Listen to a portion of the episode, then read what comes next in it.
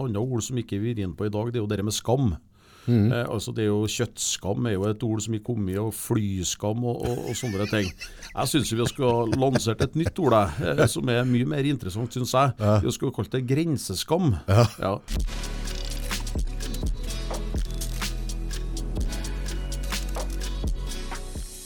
Tre, to, én. Velkommen til Nordpodden. I dag sitter jeg her med to kjøttprodusenter. Skal vi begynne med det? Hvem er du? Takk for at vi fikk komme. Jeg er Marianne Meidel, 36 år og bor på Løten. Og på Løiten. Bor på Løiten. Vi driver da med høner, 7,5 økohøns og kønn. Og så har vi 35 ammekyr, mødre, med full framforing, da. Så avvikla saueholdet nå i høst, så jeg er ferdig med drev med sau noen år. Mm, to Hva- gutter og ja. Nå er det digre kuer og okser. Hæ? Det er det, ja da, de blir det. Store etter hvert. Ja. ja. Så har vi en trønder. Verste sort. Stille og beskjeden. Stille og beskjeden. Ja. ja. Han eh, heter Erling Gresseth og er da styreleder i Tyr. Styreleder i Tyr. Ja, altså, må ha med tittel. Jeg syns det er litt moro med tittel når jeg først har fått den. Ja, Ja. det er litt stas. Ja, det syns jeg. Synes det. det er ordentlig stas å være styreleder for Tyr. For det uh, syns jeg er utrolig viktig. og Vi har 2000 medlemmer som eh, jobber og produserer god mat til Norge hver bidige dag. Og i mine øyne noe av det mest bærekraftige og sunne produksjonen vi kan drive med i Norge. Ja. Der har du forklart meg litt om hva Tyr består av. Altså, hva mer bør jeg vite om Tyr? Ja, det er en eh, utrolig viktig organisasjon som ble stifta i 1975. 1975, ja. Ja, så Han er jo ikke spesielt gammel hvis du tenker på norsk landbruk, men, men eh, det er jo en forholdsvis ny produksjon i Norge.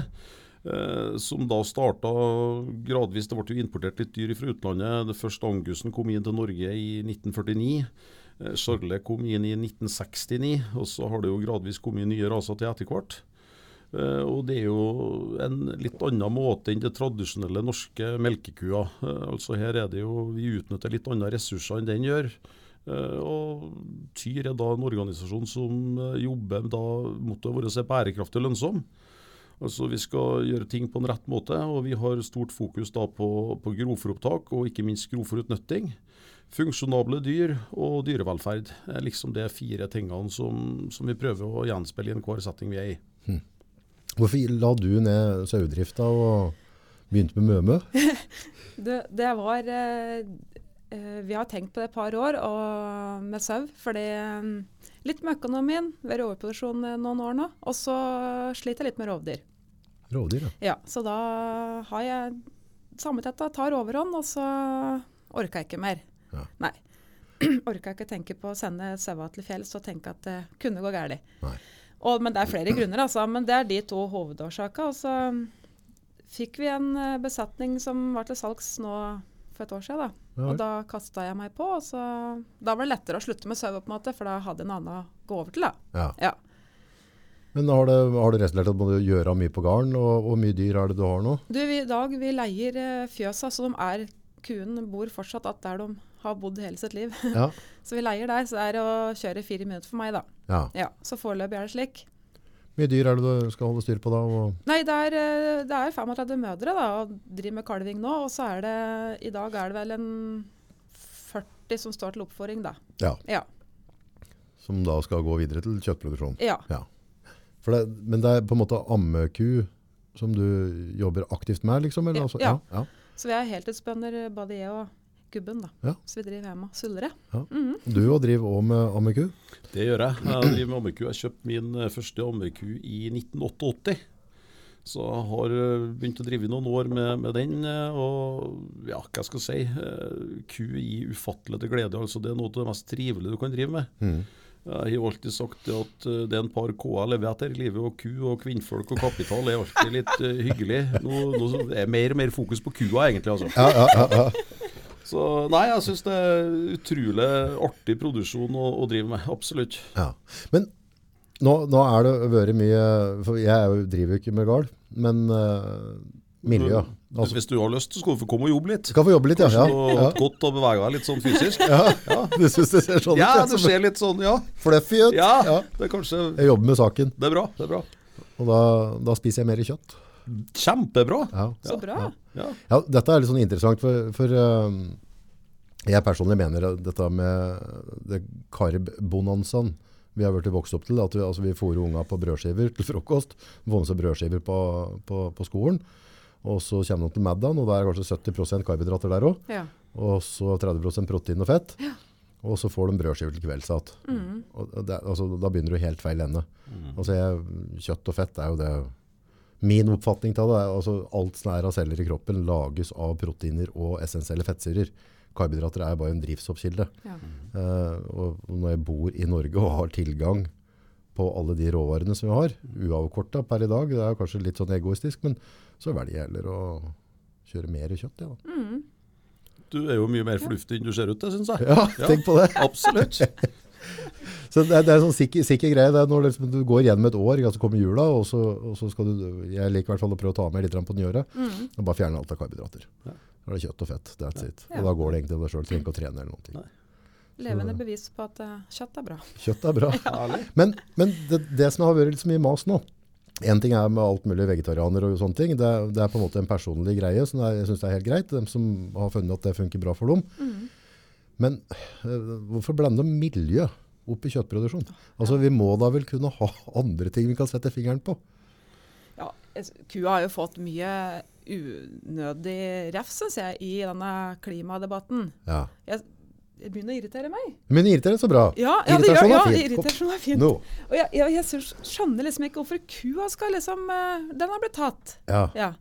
Eh, og hva med alt altså Vinimporten er det ingen som prater på. Nei, for det vin er vi veldig glad i. Det er liksom lettere å kutte og ta kua, eller Ja, ja, ja. bonden, eller Landbruket generelt syns jeg får mye eh, Altså, kua, hva er det Den fis og promper, ja, han gjør det, men fy flate og mye annet som kunne vært eh, korta ned på et før vi begynner å ta kua, liksom. Ja, altså, hvor, hvor er, altså, er, er det så mye gasser ut av ei ku at dette blir et problem, så at det overgår oljeplattforma vår ute på fjorden og, Ja. Og tankskipa som står og rumler og går på, på tomgang? Nei, altså, Sånn som jeg ser det, så er det jo noen som har glemt noe på veien. Også. altså Fotosyntesen eh, bør alle lære seg. Mm. Det er jo liksom det evige kretsløp. Ja.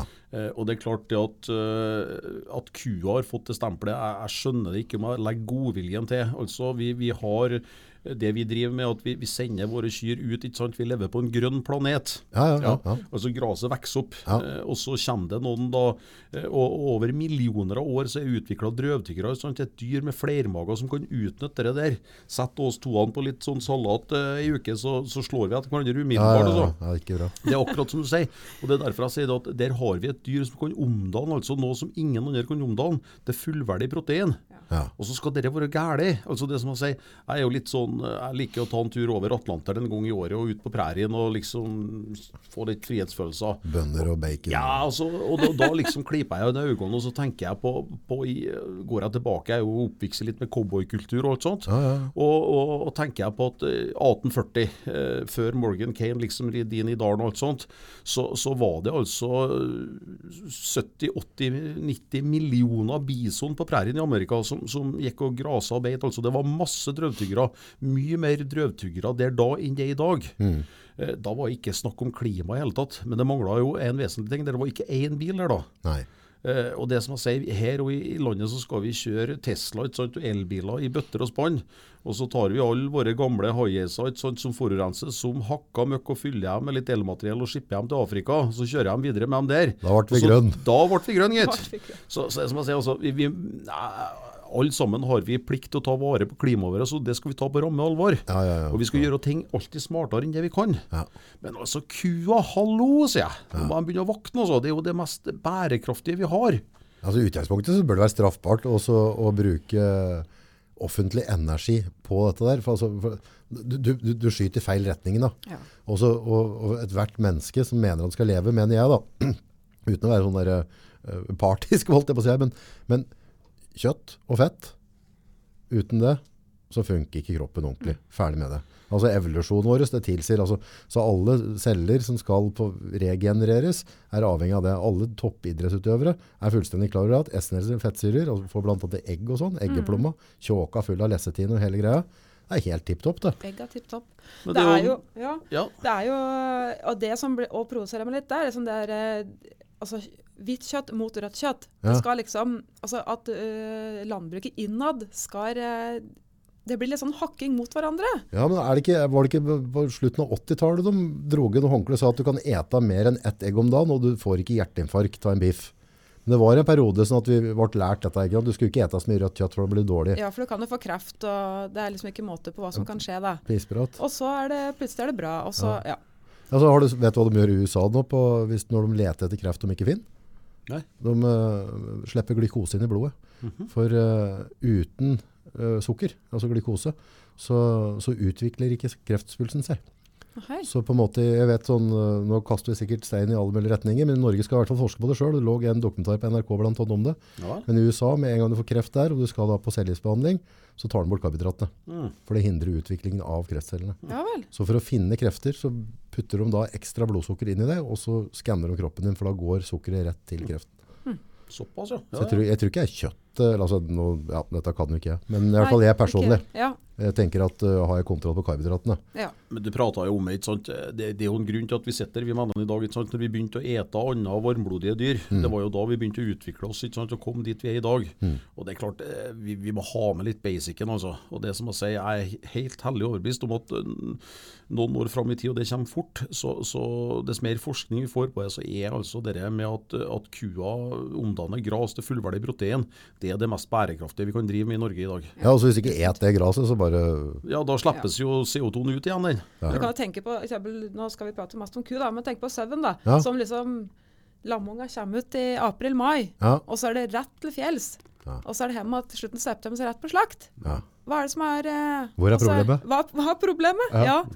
Det er jo, og Sånn er det jo med kua. Jeg håper jo mange kalver får være med til fjells. Så det er jo bærekraft. Uten tvil. ja. Men bærekraft? Jeg synes det er bærekraft. Ja, jeg er blitt så drittlei det Ja. ordet Det sa jeg i bilen nå. Ja. Sagt, altså, Så ordet bærekraft. Ja. Ja, jeg sa det. Jeg sa det meg sjøl. Ordet bærekraft. Jeg begynner å bli lei det ordet. og Så skjønner jeg snart ikke hva det betyr. For det ordet bærekraft blir brukt i alle slags sammenhenger. Kan vi ikke ta det ordet bærekraft og slenge det ut vinduet, så kan vi si vanlig sunn fornuft? Ja, vanlig sunn fornuft. Ja. Å, mye bedre. Det har, det har funka i ganske mange år. Sunn fornuft. Ja. Og ofte når vi driter i det, så blir det trøbbel. ja.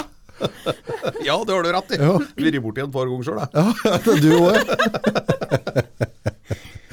Det er litt interessant. Også når, du- når, vi prater da på en måte miljøaspektet miljøaspekter rundt dette der, og, og den CO2-greia, og så greit nok. Men øh, jeg skjønner at folk har en frustrasjon rundt til subsidier og landbruk og sånne ting. Men samtidig så har jeg lest nok historie, så jeg vet at øh, ved et eller annet tidspunkt så blir diverse nasjoner uenige. Det har i hvert fall gjort sånn siden Jesus drog på. Jeg tror det var litt før også, altså. ja, det har vært mye, mye krangling. Ja. Eh, og i de tilfellene så er det fryktelig, fryktelig svært å være mest mulig sjølberge. Og vi skal begynne å snakke, altså, hvor mye importerer vi inn fra utlandet? Altså, hva, hva skjer da? Blir de kjørt over på tankbåt, eller seiler de grønt over fjorden? Nei, Norge er jo 46 sjølberga, da. Ja. Så resten sier seg sjøl, på en måte. Ja. Er det Hvor, hvorfor gjør vi ikke mer? Altså, sex, altså, da jeg si at vi, vi blir halvsultne Ja, ja. hvis det blir trøbbel. Er det Ja. det? Da går vi halvsultne og halvgretne støtt. Ja.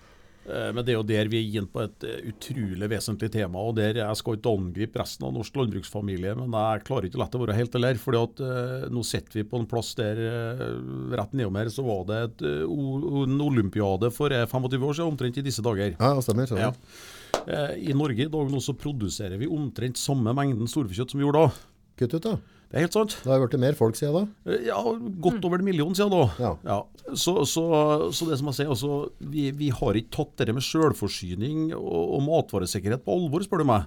For skal vi, vi bruker jo stort sett eh, masse korn i dag til å få egg og bacon og, og kylling og sånne ting.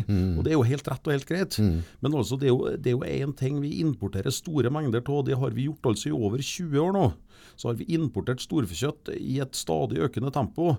Og i dag nå så har vi altså, i og med at situasjonen vært sånn på markedet, så er det 9000 tonn som, som importeres lovlig, pluss at vi har et underskudd på 4700 tonn. Så, så røftlig så har vi kunnet hatt altså 50 000 nye ammekyr i Norge hvis vi skulle ha eh, produsert det vi skal produsere til egen befolkning. Hvorfor blir ikke dette gjort noe med? Ja, det kan du si. Det er problemet for meg som kjøper da, hvis jeg skal kjøpe dette kjøttet så ofte er det for dyrt. Altså, kjøper jeg en brasiliansk indrefilet, så, så får jeg mer vettug priser på det. Og, og det kan plage meg litt. Altså, hvis jeg skal ha norsk storfe, så koster det liksom mer enn det smaker, spør du meg. da. Og, Ja. og, da, og da, hvis jeg da ser en nedfrøs i en sånn brasiliansk kledd, og så får jeg den for, for en hundrelapp, 150 kroner billigere, så er det regnestykket ganske kurant. For så bevisst er ikke jeg personlig. Nei. Nei, for det er jo mange som tenker sånn. Og jeg kunne ikke tenkt meg å kjøpe kjøtt fra et annet land. Nei. Men det er jo fordi jeg er veldig bevisst på det. Men jeg Ja. skjønner jo at uh, mange forbrukere ikke tenker over det. Men uh, utad så skal jo forbrukeren ha helst økologisk, og det skal være billig, og det skal være norsk og alt det der. Men når det kommer til stykket, så Ja, nei. Jeg vet ikke hva Nei, men hvis vi, hvis vi snakker bærekraft og det altså, Sunn fornuft, takk. Sunn fornuft og det vi skal prate om. Ja. men, men sunn fornuft altså, er faktisk sånn, og det er dokumentert, at det, det kjøttet vi importerer fra utlandet, det har et dobbelt klimaavtrykk som det norske. Ja. Ja, og det er klart, Da blir det absurd for meg at vi skal bruke masse penger på, på elbiler og miljøtiltak i alle bøtter og spann, når vi med enkle grep har kunnet utnytte norske ressurser på en helt annen måte, og vi har fått økt matsikkerhet og, og selvforsyning. Altså, jeg klarer ikke å forstå det. og det er som Jeg sier, eh, jeg føler liksom norsk storfekjøttproduksjon og ammekua i særdeleshet har blitt litt stemoderlig behandla av storsamfunnet og nesten resten av norsk landbrukssamvirke. altså. Fordi at uh, vi, vi produserer alltid nok gris, alltid nok kylling. Eh, og det er det kvoter på alt i hop. Men vi kan ha så mange ammekyr vi bare vil. Og det, det er, Årsaken er ganske enkel. Det er økonomi. Altså Vi som driver med ammeku, vi vet at dette er hardt arbeid. Det gjør ikke seg sjøl. Vi skal passe på dyra våre 365 dager i året. Eh, altså, Jeg har ikke noe imot kornprodusenter, for det er hardtarbeidende Ja, ja, ja. folk, ja. Men det er tross alt bare to måneder i året med hardtarbeidende. Altså. Eh, Marianne, jeg må stige opp eh, første juledag og gå i fjøset og, og sjekke buskap og, og stå på jobb. vi. Ja. Men det begynner å bli bedre økonomi til det nå. Du, altså, hvis du driver eh, fornuftig med, med amkyr, så, så er det å tjene penger på det, er det ikke det? Jo da, det som jeg sier i mange settinger, jeg syns jo det er litt artig å provosere. Av og til så sier jeg det at eh, du har hørt om han Bør Børson. Jeg sier det jeg sier som en bør. Jeg sier jeg vet ikke om jeg orker tjene noe mer penger i dag. Og da blir det alltid stemning litt i leiren. Eh, men det som jeg sier, det er jo en grunn til at det er for lite norsk storfekjøtt. Har jo økonomien vært knakende god, Ja. så har det jo blitt produsert nok. Det vet vi jo. Og så er det noe Ja, ja, norske bønder responderer på, alle mennesker responderer på. Så er Penger. kroner og øre. Ja, penger finnes egen vei, den. Ja. så Nei, er men det altså- noe med å ta kønnjorda til grasjord. Det er jo òg liksom mye det òg, da. Ja, men samtidig så jeg synes det, for så, altså, sånn, at det, det er, vi må ha noe kønn. Så det, er altså, det er jo på en måte å, å sikre. Altså, vi husker jo på en måte potetpesten på, i Irland. Så, så var jo på en måte en for stor del av matinntaket til Irra var da, var da ut av potet. Og så mister du den ene der, og så, så blir det ordentlig krise. ikke sant? Ja. Så, så det er jo greit å ha en eller annen sånn balanse, sikkert. Men, Men, men, men, jeg, føler, jeg føler når at du eh, blander inn Iran der, så er jo det er jo omtrent som det var på Hedmarken. Det, vet du, det er jo ikke helt sånn den irske historien. For de hadde jo fortsatt en del potet og korn i Irland, men de ordna brennevin til alt i hop. Ja. Så det er jo omtrent som det nedpå her. Så det, det, alle historier har en litt annen vri, egentlig. ja, det er bra. Det er bra. Nei, men, men når det, altså, hvis du snakker den der sunn fornuft, da. produksjon av mat, hvis jeg hadde sittet på øksa, så ble jeg i hvert fall han satt på noen fornuftige folk, og så kikka jeg på dette i forhold til eh, næringskjeden, i forhold til det å lage. Altså, jeg har jobbet som fisker på havet, Eh, og vet hva du får igjen for en sløyd førsteklasses torsk. torsk, og så vet jeg hva den selges i butikken for. Ja, Det har skjedd et eller annet mellom den sjarken og butikken, Ja, som ikke henger på greip. absolutt. Eh, og jeg ser på en måte, det er jo ikke mye du skal øke på at han i sjarken eller han i fjøsen, før det begynner å bli ålreit å drive med det, og at det faktisk er interessant. Men, eh, men der burde det kunne vært, jeg vet ikke det skulle vært noen regulering på det, for da, da, da hvis det på en måte, hvis det, hvis det blir lagt på for mye da, i, den, i den utsalgsbiten igjen, så, så ender det på at jeg ikke gidder å kjøpe det. Så ærlig er jeg det. Altså, per i dag, så jeg vet dette med antibiotika og alle disse greiene der, men per i dag så, så er jeg også, så ekstrem er jeg ikke at jeg er villig til å betale 150 kroner mer per kilo for at det at er laget i Veldre kontra at det er laget i Brasil. Da. Men det, jeg skjønner ikke hvorfor det skal bli en prisforskjell, for han har jo vært skippa fra andre siden av verden. Hvordan kan den være billigere? Nei, men altså, Sannheten er jo det at Norge er et høykostland. Ja. Eh, og det som jeg sier, I Norge kan vi jo da importere alt eh, betydelig billigere. og det som jeg sier, Vi, vi prater jo det Et annet ord som ikke vi er inne på i dag, det er jo det med skam. Mm. Eh, altså det er jo Kjøttskam er jo et ord som har kommet, og flyskam og, og, og sånne ting. Jeg syns vi skulle lansert et nytt ord eh, som er mye mer interessant, syns jeg. Vi skulle kalt det grenseskam. Ja. Fordi at eh, altså, Her kjører altså halve Norges befolkning opp på en eller annen snaufjellstopp som, som der det står svenskegrensen på, og legger igjen 17-18-19 milliarder der i grensehandel. Det er helt kokos. Eh, og, og, så, og så må de selvsagt kjøre elbil, for de skal være miljømessig rett. Og så skal de kjøre dit. Altså, det, det er jo, du snakker om sunn fornuft med korean. Ja. Altså, vi, må få, vi må få tilbake, ikke sant? Vi må ete norsk. Men åssen har det blitt sånn? Altså, hvem, hvem er det som avgjør at altså, Igjen, altså, og det, det blir samme om jeg driver firma her eller hva som helst. Vi skal snakke det der forbanna ordet bærekraft, eller hva de bruker. Altså, poenget er at jeg må sikre meg mest mulig internt, og så sørge for at jeg ikke på en måte er avhengig av ytre greier. Altså Hvis du driver et firma, og firmaet mitt er helt avhengig av ditt firma for å gå videre, så har jeg stelt meg dumt. Og hvis vi nå produserer 47% av norsk mat inn til Norge, så har vi stelt oss dumt. Ja. Ferdig snakka. Nå utover det, det, det er ikke noe disser. En hvilken som helst bedriftsleder har sagt at hvis vi er, vi, vi konker, er det ikke for dette firmaet der, så, så, så tar de tak. Ja, Og hvorfor tar vi ikke tak i Norge på dette der? Ja, godt spørsmål. Eh, Jeg syns jo absolutt vi skulle ha tatt mye mer tak og, og, og tenkt mye mer selvforsyning. Altså, det er jo ikke så forbaska lenge siden 1940, selv om det begynner å være noen år. Og vi så jo hvordan vi har stelt oss da. Jeg så jo Kongens nei her for ikke så lenge siden. Det er klart, det gjør deg noen tanker om hvordan situasjonen Norge var i den gangen. Og jeg mener jo Enhver regjering, ethvert storting eh, har noen forpliktelser i forhold til at vi skal være selvforsynt. Og, og ikke minst i dagens setting, da, der vi snakker sunn fluft, som vi ble enige om nå, så, så, så må vi begynne å utnytte de ressursene og de mulighetene vi har. Og, og da er det jo sånn som jeg ser at vi, vi produserer mer enn nok av alle dyreslag i Norge. Men, men vi mangler altså norsk storfekjøtt. Og det er jo det vi har størst grunnlag for å, for å produsere. Altså med det, det utmarksressursene som ligger der. Og, og som sagt, jeg klarer ikke uansett hva jeg har satt meg inn i å finne noe mer eh, bærekraftig og lønnsomt og måte å drive på. Så, så vi må rett og slett bare jobbe for å få fram det budskapet. altså. Og da er jo at vi sitter her nå og diskuterer dette og får det ut til, til menigmannen, tror jeg er utrolig viktig. Altså, så han begynner å tenke. Ja, men jeg tror det er litt viktig å, å få det inn, for, det, for, for jeg er jo nå menigmann, og, og jeg og ser på prislappen her i kassa. Men igjen, så, også, det er et eller annet menneskelig. For, for alt jeg vet, så kan du kan ha en lokal butikk som jeg setter veldig pris på. Eh, men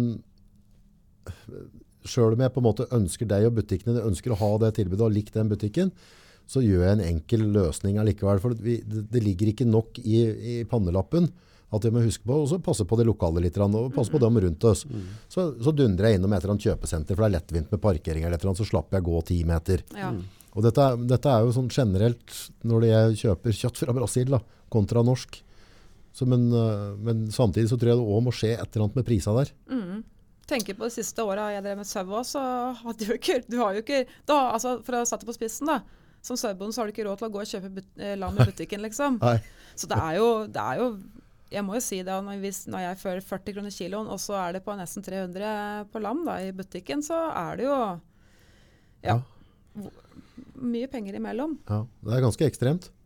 Jeg skjønner ikke hvordan det har um, Vet Jeg var på havet i 94 faktisk, 3-94. Da hadde vi 35, to, mellom 32 og 35 kroner kiloen for, uh, for skreitorsk, uh, ferdigsløyd, uh, hvis den var helt prima vare. Nå i dag tror jeg den er 14 kroner kiloen. Ja. Og fisken er dyrere i butikken i dag enn den var Ja. da. ja. Eh, hva, hva, hva, hva skjer imellom? Det er jo veldig mange som skal ha en bit av kaka imellom. og Det er klart, eh, det er jo ikke så veldig vanskelig å se hvor, hvor pengene har gått hen de siste 30-40 åra. Altså, vi har jo fått, eh, altså Norsk landbruk har jo gradvis svekka sin makt og, og posisjon. Mm. Og så er jo en tre-fire kjøpmenn som kanskje har begynner å ha til salt i suppa, for å si det pent. Oh, oh. Eh, Og det er klart, eh, Jeg tror jo de fleste han skjønner akkurat det der. Og, og Når det blir da framstilt som at det er norske bønder som koster penger, så er jo det, det er jo så feil som det kan gå an. Også norske bønder står opp om morgenen og jobber hardt. og, og Jeg skal ikke si at det er noen imellom bøndene og, og kjøpmannen, men, men det er klart altså, hvis du ser på fordelinga der, så er det klart det har gått an å se på det en gang til. Men det var litt artig. Jeg må jo litt, vi må prate litt på det òg. For det, i jula har jo veldig mange bønder hatt ferie. ja. Ja, Så har jo ikke kommet kjøtt i butikken, spesielt ikke på Coop. Nei. Det var jo ikke kjøttdeig å få tak i, fordi bonden har jo hatt juleferie. Jaha. Og slakter hatt juleferie. Ja, Ja, og bonden har hatt vareoppdeling på nyåret. ja. Det er det Coop går ut med. Det men Kiwi. Rema 1000 har jo fått tak i kjøttdeig fra svin og storfe, men ikke Coop, fordi bonden har hatt juleferie. Og det syns jeg var litt artig, da. Ja, Ja. Jeg, jeg, har, jeg har ikke sett så mye juleferie på bønder rundt, egentlig. Nei, jeg, jeg har jeg vet ikke, Slutter kua å ete, da? Ja, det var det jeg lurte på, for vi har hatt kalving. Men jeg, nei, jeg har ikke stelt noe ku, Ja, fordi jeg Nei, Ja, ja. gikk noe prat med hønen, nå verpte dere ikke Inter. Nei, Nå nei venter dere. for egg hadde de jo, så eggebøndene har jo vært flinke i Ja, arbeid. de men uh, vi har ligget på latsida, vi.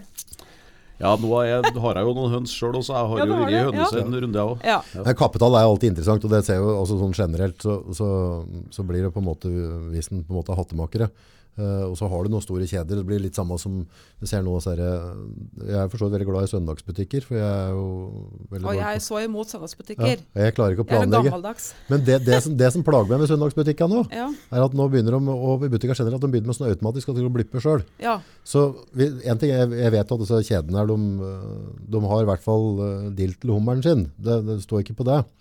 Men skal de ikke holde ungdommen vår i arbeid? Altså hvor mye ekstraarbeid til ungdommene våre som går på skole og sånne ting, som trenger noen kroner ekstra? Skal vi, skal vi ta den nå? Ja. Altså, for det, det har i hvert fall skapt generert noen arbeidsplasser. Da. ja. Så begynner de å så automatisere den, og det setter ikke jeg pris på. Nei.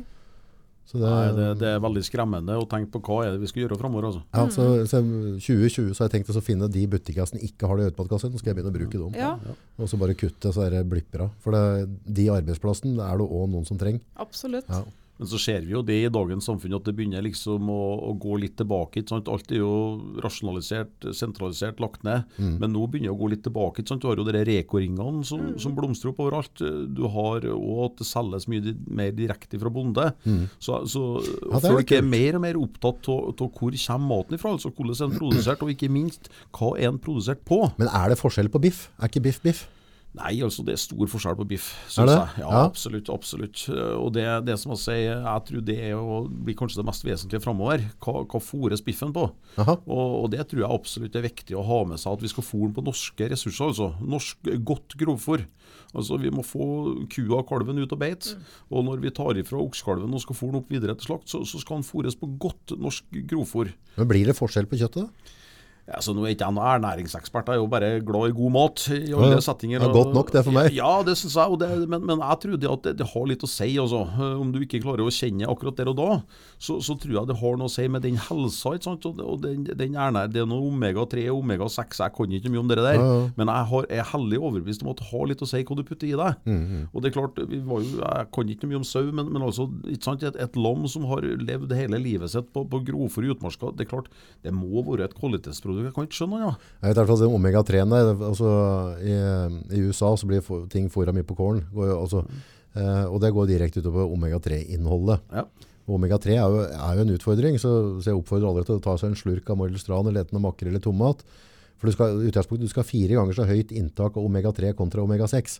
Omega-6 får du veldig mye varer, så de fleste har en mismatch der. Da. Og det går under essensielle fettsyren som skal til for at du ikke skal gå utover skalla, blant annet. Da. Men det er, det, det er jo flere kokker som har sagt at det er forskjell på De ser forskjell. Ja, nei, Ja. altså De smaker forskjell og ser forskjell på der det har vært veldig mye kraft for, og der det er eh, mye grovfòr. da. Ja. At det er forskjell på biffen eller på Ja, ja, lammeindrefileten.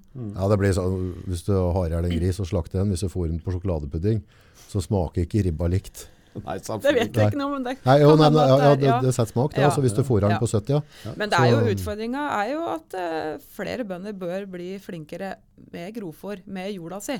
Ja. Og bli bedre på um, Ja, det er litt for enkelt å pøse på med kraftfôr, syns jeg, da. Ja. Jeg syns det er litt med det etiske oppi det hele òg, men da igjen så er det kanskje mer kostbart å drive med det, fordi du For det er kostbart å drive med gras. Ja. Ja, og det er, jo, det er jo en debatt. ikke sant? Hvor skal vi produsere hva hen? Og, og det er jo der jeg synes kanskje det sentrale Østland ikke sant? Der har jo nå myndighetene innført at der skal vi ikke drive med så mye grasproduksjon. Ok.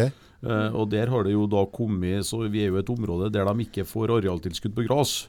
Jeg syns det er helt feil, for du må ha dyr i hele landet. altså Det handler jo om monokultur ikke sant? og den biten der.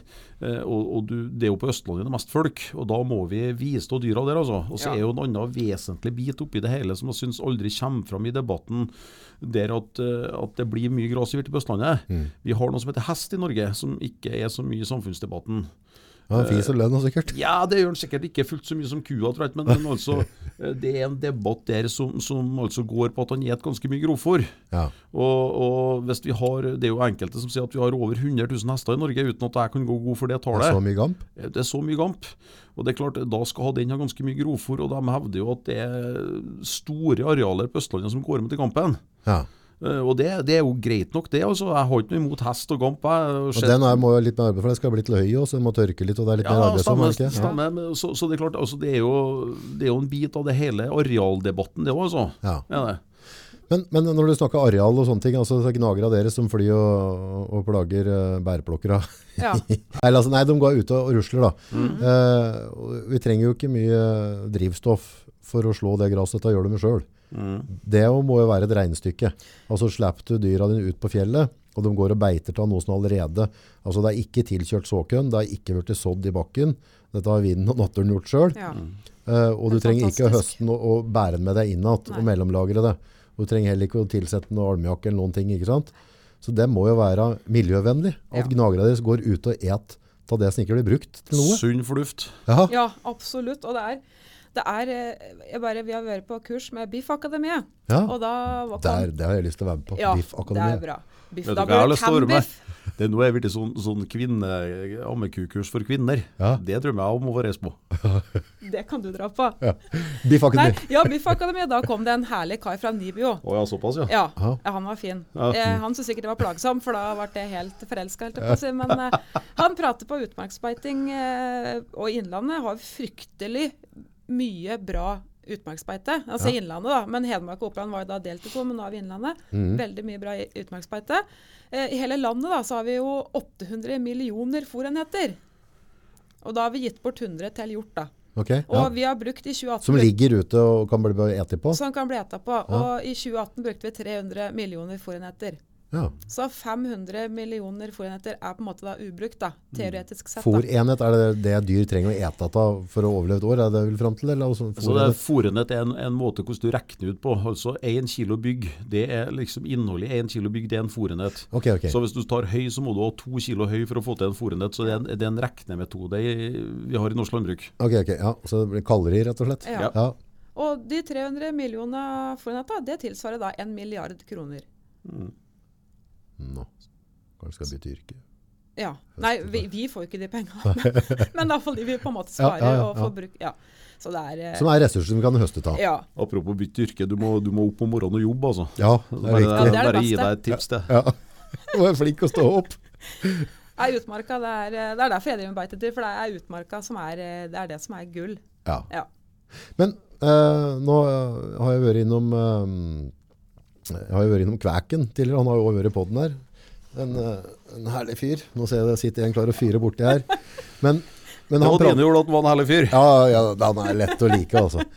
Men han tar da på forskjellige modeller, altså forskjellige dyrtyper, som egner seg til forskjellige typer beiter og områder. ja. Eh, hva, hvordan kan du forklare dette? Hvordan, Nei, eh, jeg kan gå tilbake til Nibu. da. Nå er jo ikke jeg gudskjelov ikke sånn styreleder, så jeg kan si hva jeg vil. Men eh, i hvert fall var det Herforden som var, hadde beste fòrutnyttelsen i utmarka. den kommer fra egentlig? Herforden?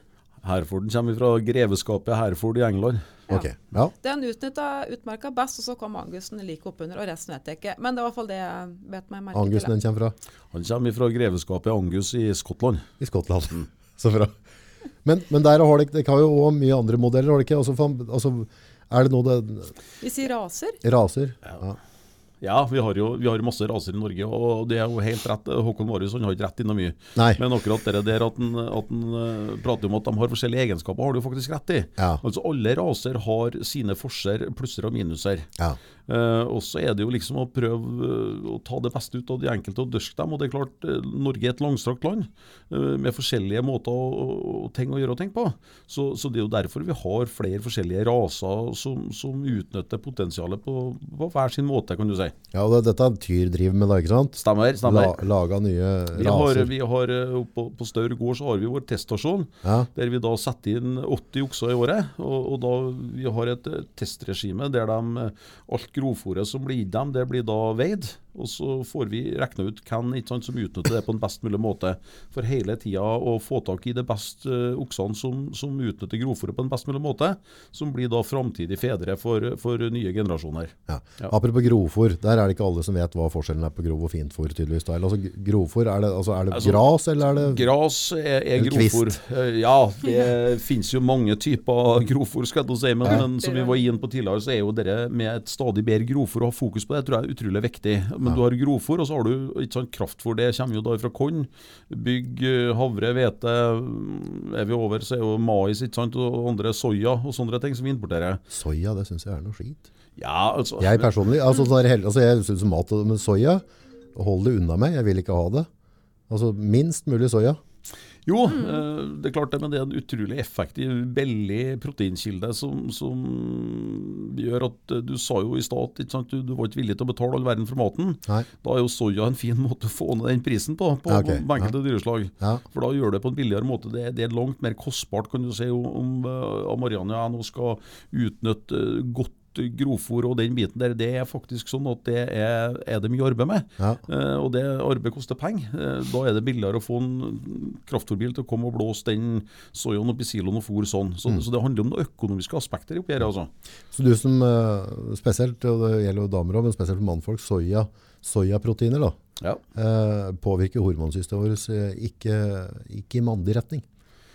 Jeg spiser nesten ikke soya i hele tatt. jeg, Altså. Nei, nei, så, så, nei så, sånn rett sånn, for vi har, vi har jo på en måte vi har jo et hormonspeil i kroppen Ja. som skal være i balanse, og soya er ikke en bidragsyter. Så mye du kan, da. Nei, jeg er bare interessert i mat, men det er bare å stikke ned til Asia, det. Ja. De lever jo på soya. Ja. Skal vi se hvordan skjeggveksten er til disse karene der. Ja, Ja. det er noe som har skjedd over tid. Du ser på japanesere som har begynt å gå mer over vekk fra, så de har hatt mer penger, mer, mer på en måte vestlige matvaner. Hvor mye høyere har de ikke vært på 20 åra? Altså, de, de, det blir bare større og større. Ja. Grøvere bein av hele gjengen. Så, så soya er sånn derre Hvis det kan unngås i mitt hjem, så skal det minst mulig innare. ja. Mm. Ja. Så, men, klart, men da må vi ete litt av alt. da. Jo, så er vi litt heldige her i Norge. Vi kan velge litt. Utrolig ja, vi er jo bortskjemte, da. Skikkelig. Ja. Ja. Så er, hvor lenge er vi bortskjemte, liksom? Hvor lenge har vi det så bra? Det blir litt Det er et viktig tema. Nei, da er det tilbake på den der, eh, mer og mer sjølberga. Mm. For det, det må du huske på når vi driver med den bondedebatten. Vi har mye kompiser, ikke sant? så subsidieslaver. Ikke sant? Det er jo det som Ja. er en gardbruker. Jeg har, jeg har et par kompiser gårdbrukere, så jeg pleier å terge dem litt, jeg òg. Men det er noe mest for terginga. Ja. Altså, I utgangspunktet så mener jeg at eh, altså, maten vår, rent drikkevann og mat, Mm. det må vi ha fokus på. Selvfølgelig. Ja. Og det er klart Når du er inn på det med subsidier Ja, norsk landbruk er subsidiert, men kjenner du mange næringer i Norge som ikke er det? da? For å snu det dit. Ja. Det blir meg, da. Eh, Mediebransjen Jo, mediebransjen er litt subsidiert, dem, jeg vet ikke. Nei. Ikke Ja, det? ja, subsidier fra. Nei, da må det være A-pressa, da. Ja, jeg regner med dem. eh, altså det er jo, men, men sånn er det med alt. Sånn? Norge er et høykostland. Det koster, og det er overføringene som norsk landbruk får, og de er ganske store, de er ikke å legge skjul på det. Men det er jo for å rett og slett gjøre maten billigere i butikk. Mm. Uh, og det tror jeg er sikkert en rett måte å gjøre det på. det altså. Mm. At vi, vi, vi har et robust og det er klart I Norge så har vi kunnet produsert maten billigere enn i dag. Det er jo ingen tvil om det, Uh, hvis vi har sentralisert det. Men jeg mener jo uansett farge på regjering og opplegg, så, så skal vi produsere mat i hele Norge. Det bør være hygge i stein, altså uansett. Ja, ja, det Ja, er, vi, vi, må utnytte de ressursene vi har overalt. Det handler jo om, om sunn fornuft og, og, og beredskap og matvaresikkerhet. Ja, jeg, jeg, jeg driver jo med markedsføring, det er det vi lever av. Og, og et sånt drømmeprosjekt er hvis vi skulle eksportert norsk kjøtt. Mm. Altså Ja. når du begynner å se på det, det vi har rundt oss, og det miljøet vi har i Norge kontra mange andre land, eh, og, og den dyrevelferden, for det er jeg har jo også laget litt både for tyr og nordsvin og sånne ting, og jeg ser den mengden stolthet det er ute hos gårdbrukere på å holde medisinbruken nede, Ja. i stedet for å bare autoinjisere det for å, for å holde kosten nede. Så, så, så vi må jo egentlig, vi, vi har liksom prima vare. Vi har jo det. Vi skulle jo vært på hvert et sånn fransk uh, kotelettbord, holdt jeg på å si, så burde vi ha Jo, men, men vi har jo altså Drømmescenarioet er jo egentlig intakt allerede. Hvis du tar noe f.eks. nordsvin, geno og, og tyr òg, så, Ja. så eksporterer vi altså genetikk ut. Ja. Altså Nordsvin eh, har jo gjort det i mange lange år og vært særdeles dyktig sant, med ordna kvalitetsgenetikk som eksporteres ut, som etterspørres. Ja, ja. Det samme har jo Geno, og til og med Tyr har vi har jo eksportert ikke sant, eh, okser tilbake til Frankrike. Altså liksom Charlie og Limousins hjemland, så har vi eksportert okser tilbake dit igjen. Så, så det blir jo omtrent eh, Ja, det, jeg syns det er helt enestående det vi har fått til med norsk eh, husdyrmiljø. altså. Ja. Så, så vi, men det er klart, å, å eksportere kjøttet, jo da, det kan godt hende. Men først så syns jeg vi skal prøve å bli selvforsynt sjøl, da. Ja, ja, det er men, det ja, det- men det, vi burde jo absolutt fått opp mer selvforsyning, syns jeg. da, Og så Ja. burde vi også tenkt på, hvis vi mangler økonomi til det, så burde hele Norge tenkt på, altså hvis du har da noen millioner fòrenheter som vi kunne ha utnytta bedre, Mm. så bør det kanskje være rom for å tenke på det og, og gjøre noen kroner der. Mm. For det, hvor, altså Vi i Norge er veldig gode på å importere. altså Vi er gode på å eksportere olje, men ut, også fisk. da. Ja. Men, eh, men vi har jo noe å gå på der. Og jeg har vært ute og reist en del i verden og sett andre gårder og andre slakterier. Mm. Eh, og det, altså klart det er jo en og annen grispung eh, som bor rundt i Norge, og som regel kommer den på første sida i, Ja. i, i VG i så fall. Men i hvert fall det jeg har sett av Norge, og der jeg fører rundt, så den dyrevelferden vi har her i Norge, den er jo eksepsjonell. Og det, er- det er ikke bare sånn at uh, vi er Norge og vi går best på ski, og der er nasjonalstoltheten. Det er et arbeid som faktisk blir gjort Mm. på gårder rundt omkring Ja. i Norge. Hver eneste dag. Ja. ja. Og, og det, er, det er ikke alle nasjoner som har den stoltheten og den ærkjærheten til dyra sine som vi har her. Nei da, men reist mye av og Det er klart det som du sier, det finnes eh, alltid utskudd her i verden, men det er aller fleste som driver i, i landbruk, uansett om du er her eller der i verden, så, så eh, det blir jo et, eh, en livsstil. Altså, det, er jo ikke, eh, det er jo ikke noen snarvei til rikdom, men, men altså, jeg syns jo det at tar du helheten, så er ikke jeg har ikke bytta jobb med noen. Altså. Jeg syns det er utrolig privilegert og heldig som får holde på med det her. Ja, Og i Norge, ikke minst. Ja, absolutt. Absolutt. Nei, jeg, er egentlig, jeg, må jo si, jeg er jo litt stolt av norsk landbruk. Jeg syns det er tøft. Jeg. Ja. Ja. Og det fine, fineste som jeg det er å få lov At du fire måneder i året er kun i utmarka, i fjellet, Ja. med dyra dine. ja, Er du ute Er sammen med dem? Ja. Må jo på tilsyn. Ja vel. Så Ja. dere henger oppe i fjellet? Jeg henger oppe i fjellet. Ja. Har jo radiobjeller på dem. og oh, ja. Jeg har jo bare karter å kjøre opp igjen, så jeg er eh, stort sett hver dag og ser om dem. Og det syns jeg er det fine. ja. Ja. Stilig. Se Men- over og Ja. Men åssen er det å få inn at disse dyra altså, sånn, Har du fått tak i et dyr, så ikke første sjanse om du ikke slipper den løs, for da har du arbeid å finne igjen. Nei, det var jeg spent på, for det, eh, når jeg kjøpte den besetninga, de hadde aldri vært utmarka før. Og jeg skulle ha dyra utmarka. Så um, vi var veldig spente på om de kom til å holde seg i området, men det gikk veldig bra. Men et nervevrak, det var jeg. Men eh, nei, vi samlet dem inn ei- på ei seterlysje og satte opp grinder og får dem på henger. Det, jeg syns det gikk veldig fint, det. Greit. Når jeg vant på å flyge etter 300 sauer, da, så jeg Ja, det er som, litt mer kaffetvist og god bingo hva du får med det hjemme igjen. som er større å få altså, kuen på henger, så syns jeg som at det var lettere. Mye færre individer å samle, da. Ja. Ja. Men det er klart, eh, vi har jo fått eh, ganske mye teknologi de siste åra som, som hjelper oss. ikke sant? Du sier radiobjeller, vi har Nofence. altså Det har kommet inn en god del ting som, som gjør hverdagen litt enklere. da. Mm. Og, og vi kan følge med på en helt annen måte. Så du får jo en hva vi skal si, en bedre dyrevelferd både til, til folk og dyr skal jeg si, når du, du sover litt bedre om natta når du vet at eh, de går i det området og har litt kontroll, tror jeg. ja, absolutt. Men altså, hvis vi skal på en måte, hvis vi sier at, eh, at vi er enige om at, um, at det hadde vært svært med mer produksjon i Norge da, Mm. mindre import. Eh, på hvilken måte skal vi klare å, å åpne øynene, eller på hvilken måte skal vi få, få det til? For en ting er på en måte at vi sitter og mener det, Mm. annen ting er hva som skjer. Hva skal til for å endre holdninga mine da? Så bare ta meg, på en måte, for, Ja. for jeg er ikke veldig kritisk når jeg ser, altså jeg, jeg ser i all hovedsak på pris Ja. ja, Mm. når jeg Jeg handler. Mm, Det er vanskelig, for jeg, det hjelper ikke å bli irritert. For jeg kjenner at jeg får litt sånn irritasjon når du sier da at du liksom Da kjøper du hele den der biffen fra Brasil. Da kjenner Ja. jeg blir litt sånn irritert. Ja. For det, her jobber vi så hardt, Hort. ikke sant? ja. Og så tenker du Men jeg, jeg skjønner det. Spare en ikke tier, ja. ja. Jeg har ikke vondt for å skjønne det, men maten i Norge er jo er jo egentlig ikke dyr i forhold til uh, inntekta vår, da, sånn gjennomsnittlig. Men Nei. så er det jo Mange syns jo maten er dyr allikevel. Mm. Men eh, hva skal vi gjøre for å Nei, jeg tror vi må, vi må være i jobb knallhardt hver dag og bevisstgjøre. og det som jeg sier, altså Hvis vi går litt tilbake i tid, så du skal jo ikke mer inn tilbake til 1960, så brukte jo folk over halvparten av lønna si til mat. Mm. Eh, I dag nå så er vi er altså på rundt 10% av det vi tjener går til mat. Mm. Så det er klart det går ikke an å komme så mye lenger ned. og det, av og til, Jeg har tenkt mye på det der, og jeg tror vi er litt, litt spesielle i Norge altså på sett og vis. Eh, Vi, vi, vi skal gjerne ha det dyreste hytta på fjellet og en Tesla X og full pakke, altså, men, men når det kommer til mat, da er det liksom Kan vi spare en femmer på Grandiosa, så er det litt uh, stas, det. Ja. Men, men jeg føler det at uh, jeg tror vi er litt på rett vei. altså. Det, det er mye fokus på hvordan maten blir produsert, hvor den er og, og hva. Så, altså, jeg tror vi er, er, er ganske sikre på at uh, spis norsk, spis opp. Ja.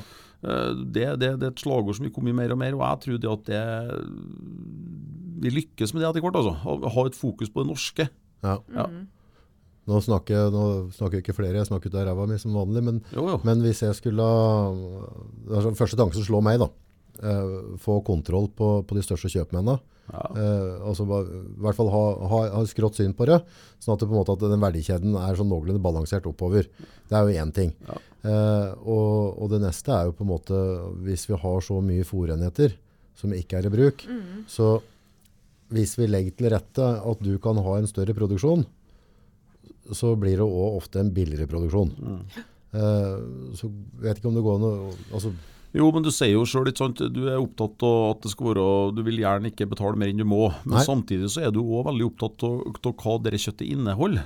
Ja, Ja, og det er, jo, det er jo det jeg tror vi skal ha litt fokus på, at, at vi produserer altså kjøttet vårt på, på en mer bærekraftig måte. ja, Og da tenker jeg ikke minst, du, du var jo innom det med antibiotika. ja. Det kan vi jo dokumentere at vi er desidert best i klassen. Hvor stor forskjell er det på her og, og, Nei, altså, uten at jeg og Brasil, f.eks.? for eksempel? Nei, altså, vi, vi, det, er jo, det er jo ikke noe land i verden som, som bruker mindre antibiotika, og det tror jeg altså, Er vi på de beste, liksom? Vi på det Absolutt. Vi er absolutt det Det er ikke bare noe sånn at vi sier det? Nei, nei, nei. nei. Da er det inkludert fisk, er det ikke det? Ja, absolutt. Og det, det som jeg sier, dere, dere er vesentlig. Vi har jo to store oppfinnelser i verden. Det er jo masse oppfinnelser, det er ikke jeg sier, men jo. altså de store som har gjort det at vi er så mange i verden, og da er vi over på miljøproblemet. Vi er jo for mye folk, det er jo det det egentlig det handler om. Ja, ja. Men det er jo ingen som vil snakke om, og det er jo greit nok, det. Ja. Eh, Men, men altså, når vi, vi fant opp eh, antibiotika og penicillin, det var, det var jo en gedigen en. Det andre biten er jo det med, med kunstgjødsel. Det er jo de to tingene som har, har revolusjonert eh, verdens matproduksjon, og ikke minst eh, befolkningsvekst. Ja. Eh, og det er klart eh, Jeg syns jo det med, med penselen ikke sant? Går du 100 år tilbake, fikk ungene lungebetennelse, så kunne de dø. Altså. I dag så er ikke, det er ikke noe tema. Og Det er jo en gedigen oppfinnelse, men vi kan misbrukes fort. Mm. Og Det er jo derfor jeg syns at norske myndigheter gjør en genial sak med å ha et sterkt fokus på at ikke vi skal bruke eh, penicillin eh, Vi skal tenke oss om i enhver setting. Mm. Og det, det, det er veldig fornuftig, og det har vi lykkes med. Vi har, vi har avla på helse, eh, den biten der, og, og, og vi har kommet veldig langt på det. Og det tror jeg vi skal fokusere over på sånne enkle sjeler som deg, når du går i butikken og, og, og skal kjøpe uh, billig. Så, så skal vi i hvert fall ha spikra fast i hodet på deg at ok, hvis du kjøper den norske biffen, så er den langt mer trygg og sikker enn kanskje det andre. Vi, vi skal dokumentere, og vi skal òg dokumentere hva vi har fôra det dyret med. Mm. Og ikke sant, Da når du er opptatt av omegaen din, skal jeg si, så skal vi dokumentere at ja, men vi har fôra den vi på grovfôr. Mm. Og det, og det jeg tror Gjennom kunnskap og opplysning så, så, så vinner vi markedet. Jeg tror aldri vi klarer å vinne markedet gjennom pris. Nei. Eh, beklager, men det, det gjør vi ikke i hele landet her, altså. I USA også har det blitt veldig sånn big grass-fed beef. Ja, ja. De er veldig opptatt av det skal ikke være corn-fed. Altså, de er veldig opptatt av det. da. Ja, som sagt, jeg er i hvert fall en tur i året på andre sida der, og da er vi jo glad i biff. Det er jo ikke å legge skjul på det. Og da er jo sånn at når du blir bedt hjem til litt større ransere og alt sånt, så, så presiserer de at dette kommer ikke fra en feedlot der de har fått hormoner og, og antibiotika. Dette er på en sånn natural way, som de sier. altså. Ja. Og da har de en egen en, og det ser du på de store feedlotene. At det de driver, det de kaller økologisk borti der, da, men det er jo akkurat det vi gjør her. Vi, vi behandler dyret med, med antibiotika når det er sykt, ikke ellers. Så, så fokuset dreier seg hele verden over, og det er jeg helt sikker på. Da vil jo prislappen på kjøttet deres stige òg. Mm. Så, så vi er på rett vei med masse ting, altså. Men vi må ha mer fokus på å produsere mer eh, storfekjøtt i Norge. Det er det som må være nøkkelen, syns jeg. Har du noe å tilføre der? Sånn som. Jeg hadde visst det, men så ble det borte. Da kan det komme en fun fact. Ja, for. Eh, antibiotika. Mm. Vi alle vet at du skal ikke drikke når du tar det, ikke sant? Har du hørt det støt? Ja, ja. ja. Vet du hvor den kommer fra? Nei. Det var kjønnssykdommer i England faen. på begynnelsen av 1900-tallet. Og så Problemet var at når de fikk antibiotika, ikke sant? så dundra de ut på byen, så drakk de. og så flytta de sykdommen over til neste. Ja. Så da var det en eller annen lege som fant ut at du kan ikke drikke, for da holdt de Gud deg edru. Da holdt de snoppen i det det buksa. er eh, Hvor du har, eh, f- du har vært i noe tvilsomme miljø og fanga opp en del du har, ja.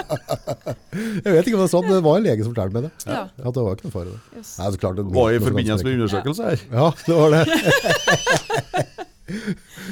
Det, det hjalp ikke om jeg ikke drakk sånn. Nei, nei skjønte, skjønte. Men var det, jeg husker ikke tallet, jeg, men eh, innen så og så mange år som trengte verden 60% mer mat. 60 Ok. Ja, Ja. ja. Fordi da, ja, husker ikke, Det er ikke så veldig lenge til. Nei. Eh, og så tenker jeg at eh, da er det lurt å bli mer sjølberga, og ikke tenke at vi helt kan importere. fordi det skjer jo tydeligvis noe med klimaet òg, så Ja. Og klima og miljø, dette, er- jeg syns det er så spennende. Med dette. Altså, klart vi må ta tak i og vi må ta vår andel. Så sitter vi her nå på, på berget i Norge, og så ser du kineserne og Indiaen. ja. Altså, det, er, det er et par typer nedi der. ja. Uh, og jeg føler som det vi sparer, det er bare dundrer dem ut i andre ja, enden. Ja. Så jeg får jo helt kulete av hun Thunberg i perioder, på en måte, altså på en måte som går til angrep på dette rundt der. Altså, det er et par store nasjoner som, eh, som trøkker til, altså. Mm, absolutt. Og, så, og så går vi og bekymrer oss for ku som promper. Ja, men Det tror jeg det, det er midlertidig. altså Om noen år så er det ingen som kjemper i kudebatten. Altså, det, det, Hva er det som fant på den da? Hva er det som Nei, jeg vet da søren, det har jeg fundert mye over, men det, det altså av og til så blir Sitt kast- en og gliser nå. Ja, det er jeg helt sikker på at det gjør, altså. Stå med sånn prompeapparat bak en ku, og så Ja, det, det, det er galskap, og det som jeg sier, min påstand er at om, om kun kort tid, så, så er dere Men samtidig så syns jeg vi skal ta det på alvor, altså. Og, og det er jo det norsk landbruk føler jeg har gjort i stor stil. De har jo fokus sant, på å utvikle fôr som kan gjøre at du får mindre utslipp av- metan og sånne ting. og det eh, vi skal også forske på dyr sant, som, som produserer mindre og gjør det på en mer effektiv måte. Vi skal alltid søke å bli bedre. Ja. Men, men samtidig så er sunn fornuft må vi aldri glemme oppi her. Åssen er rekruttering av landbruk? Er det noen yngre som gidder å drive med dette? her? Ja, altså, Det er jo noen mørke skyer på himmelen her som i alle andre bransjer, men jeg tror jo det at norsk landbruk står framfor ei, forholdsvis fin tid. jeg, og det, Ikke minst når eh, sist uh, helg her nå, så var det altså 120 kvinner på Østlandet som samles til ammekukurs. Så syns jeg det at det, det må jo være ei fantastisk eh, tid, i hvert fall i, i min posisjon, med at det er så mye kvinnfolk med inn i landbruket, syns jeg. Jo, men, men det, altså, det, er, det er jo en bevegelse. Skal, altså, for det, du, du er jo litt sånn sjølplager hvis du, hvis du gidder å bli gardbruker. Jeg hadde ikke orka det. Du tenker jo det noen ganger. Eh, Jeg er jo ikke født og oppvokst på gard heller. Jeg er liksom sånn plagsom innflytter på garden. Og jeg tenker jo noen ganger så tenker jeg liksom Herregud, tenk sånn som jeg hadde før da jeg var i barnehage. da. Jeg hadde jo fri fra klokka fire om aftenen, og fri helger og fri på sommeren. Og henger fikk feriepenger og Henger du på vil- og maler, det er Ja. alltid et eller annet å male. Jeg ville ikke ha bytta, altså. Vil ikke det? Nei. Nei. Fy søren, jeg savner ikke Men det er, det, er jo ikke, det, er, det er jo ikke en jobb. Altså, det er Nei. en livsstil. Han, tenke, han kan ikke tenke på det som en jobb, det må tenke som en livsstil. For det er liksom Du vet aldri hva som skjer. Dagen din er aldri lik som i går, eller Nei. Nei. Ehm, Nei, og jeg tror det at skal du, skal du lykkes i norsk landbruk, så, så er det altså Det snakkes mye om familielandbruket, og jeg tror det er litt vesentlig at vi, vi har fokus på å involvere hele familien. Altså, for det er ikke noe, noe one man-show. Eh, altså det er, eh, har du ikke forståelse av hele familien, så, så, så klarer du aldri å lykkes. For dette er, det er blod, svette og tårer, det, og det, det er masse du må forsake for å, for å lykkes i norsk landbruk. ja. Men samtidig som Marianne sier, også, det er, jeg har heller ikke bytta mot noe i verden. Tenk deg å, å sitte framme med en mikrofon halve dagen og drikke kaffe og prate med folk kanskje de ikke syns er interessant. Eller, ja, det finnes jo mange andre jobber òg. Ja, ja, ja. Så, så vi- er privilegerte. og så har du i, i landbruket, og du har noen helsikes tøffe dager, eh, og så har du noe som er bare bra. Det må jo bli nok som dere. Altså, skal ikke nå får dere ikke det klimaverstingsstempelet på dere opp etter her, ikke sant? Og så har du hatt en tørkesommer, og så har vi litt varierende kjøttpriser, og så har det love som står og fell som skulle hatt på noe maling, og så, er det holke. og så har det holke. Altså, får dere ikke nok, liksom? Altså bare, nå, nå, nå orker jeg ikke mer, liksom. Nå, Man altså, må jo prøve å tenke positivt. ja, Et, altså du, ja, Sommeren 2018 var jo veldig krevende for veldig mange. ja, Men du, te, du kan jo tenke at uh, det, det gikk jo veldig bra for Ja. uh, mange. Og så neste sommer blir jo ikke sånn. Så tror jeg det handler veldig mye om at du har et, et produksjonsmiljø, samme hva du produserer i norsk landbruk. At du, at du har noen du kan uh, diskutere med og spille deg god. altså Søk et, et miljø som er positivt, og der du kan utveksle erfaringer. Eh, Stå sammen. og Av og til så, så skjer jo ting som du ikke liker, og da er det greit å ha noen noe kollegaer som kan stille opp for deg og, og backe deg litt. altså.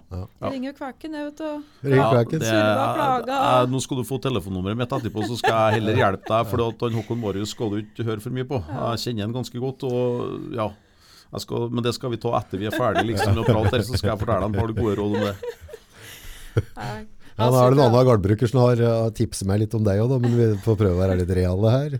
Ja, altså, Det er jo bestandig sånn at det er enkelte individ i, i næringa som vil alltid komme med noen noe sånne ting, men du skal ikke høre på alle. altså. Nei. Og det, Du har nok en del, du har et lite drawback der tror jeg, med dine kilder. Ja, ja. De er ikke å stole på. Nei, du tror ikke den kilden er ikke habil? Ikke i hele tatt. Nei, ikke i hele tatt. det som blir veldig interessant å se, er eh, når eh, etterkommerne våre kommer og tar over landbruket. Eh, For det er veldig artig å se i bransjer som vi på en måte har driftet. Og nå, nå synes jeg gårdbrukere for så vidt har vært veldig fram i skoa og utviklet seg veldig. Det skal være veldig artig å se når de små tarmtotta, Ja. når de får på seg eh, skjæroksa og arbeidshansken, og på hvilken måte dem kommer til å, ja. å, å løse drift. For han hjemme, han er ti nå, han lurte på om det gikk an å kombinere det å være bonde og bli gamer. Ja, Ja, fordi YouTube og være eh, Fortnite eh, King. Kong Ja. og bonde, det må jo være helt supert. ja det kan godt at det går av det. så, så kan hende. Ja. Høres ut som en god plan, det syns jeg. Ja, det, jeg vet ikke. Jeg er ikke så fryktelig fan av Fortnite, men eh, ja, vi får se. Jeg tror det er bra at unga driver litt med det. De, Ja. de, de, det er viktig at de er forberedt på morgendagen. De òg. Ja. Ja, ja. Det er ikke lenge før kulepennen henger i et sånt museum. At, ja. Nei, men jeg tror altså de framtidige som som skal ta over oss, altså det som jeg sier, å, å drive en gård, det er, jo, det er jo noe du gjorde x antall år. Ja. Og da skal jo målet til enhver gårdbruker være altså Det er noe du låner, syns jeg, både jorda og, og det hele. Eh, er det at du skal gi over i bedre stand enn du tok imot det. Det er jo liksom Ja. det som gjør mottoet til norsk landbruk hele veien. Ja. Og, og jeg tror det at hver generasjon vil finne sine måter å gjøre det på. Og det ser du når du møter det synger folk du møter, så, så tenker jeg på en helt annen måte, altså. Mm. Eh, Det gamle liksom fordommene henger ikke med. Så, så jeg tror norsk landbruk har en stor framtid. Ikke i tvil. Det er masse positive folk som kommer inn. Og de, de vil gjøre det på sin måte, og de tenker bærekraft på en annen måte og, og, og gjør ting på en fornuftig måte. Så jeg har stor tro på framtida. Spennende. Det blir artig. Spennende. Tusen, tusen takk for at dere tok dere tid til å komme innom. Setter pris på det. Takk for at vi kom. Skal vi runde av med en liten eh, nå, Det er jo et fag jeg ikke kan i hele tatt, men jeg føler at det må med, på en måte. Uh, I helga så var det vel noen fotballkamper. Nå må jeg dessverre gå. Nå syns jeg det ble direkte utidig å være her. Ble kleint. Ja, absolutt. Fy Ja. søren. Ja, men hva var det som skjedde? Altså, jeg, som sagt, jeg følger ikke med på fotball, men bare tenkte å få det fra kilden. Altså, i, i helga, Jeg er jo ute og reiser og farter ganske mye, så, så i helga så hadde jeg ikke tida til så mye, så jeg var mest i fjøset. I og med at jeg er borte så mye midt i uka, så Mm. jeg var mest i fjøset, så jeg har ikke fulgt med nå på det der. Så jeg vet egentlig ikke helt hva du prater om. Du vet ikke hvem som spilte i det hele tatt? Nei, jeg, altså, nei, jeg gjør ikke det. Beklager. Jeg tror kanskje vi klarer oss å finne et lite sånn, en Facebook-oppdatering med noe langt tryne. Fy faen, jeg skal, jeg skal betale tilbake. Han må bare vente. Takk skal du ha, folkens. I like måte.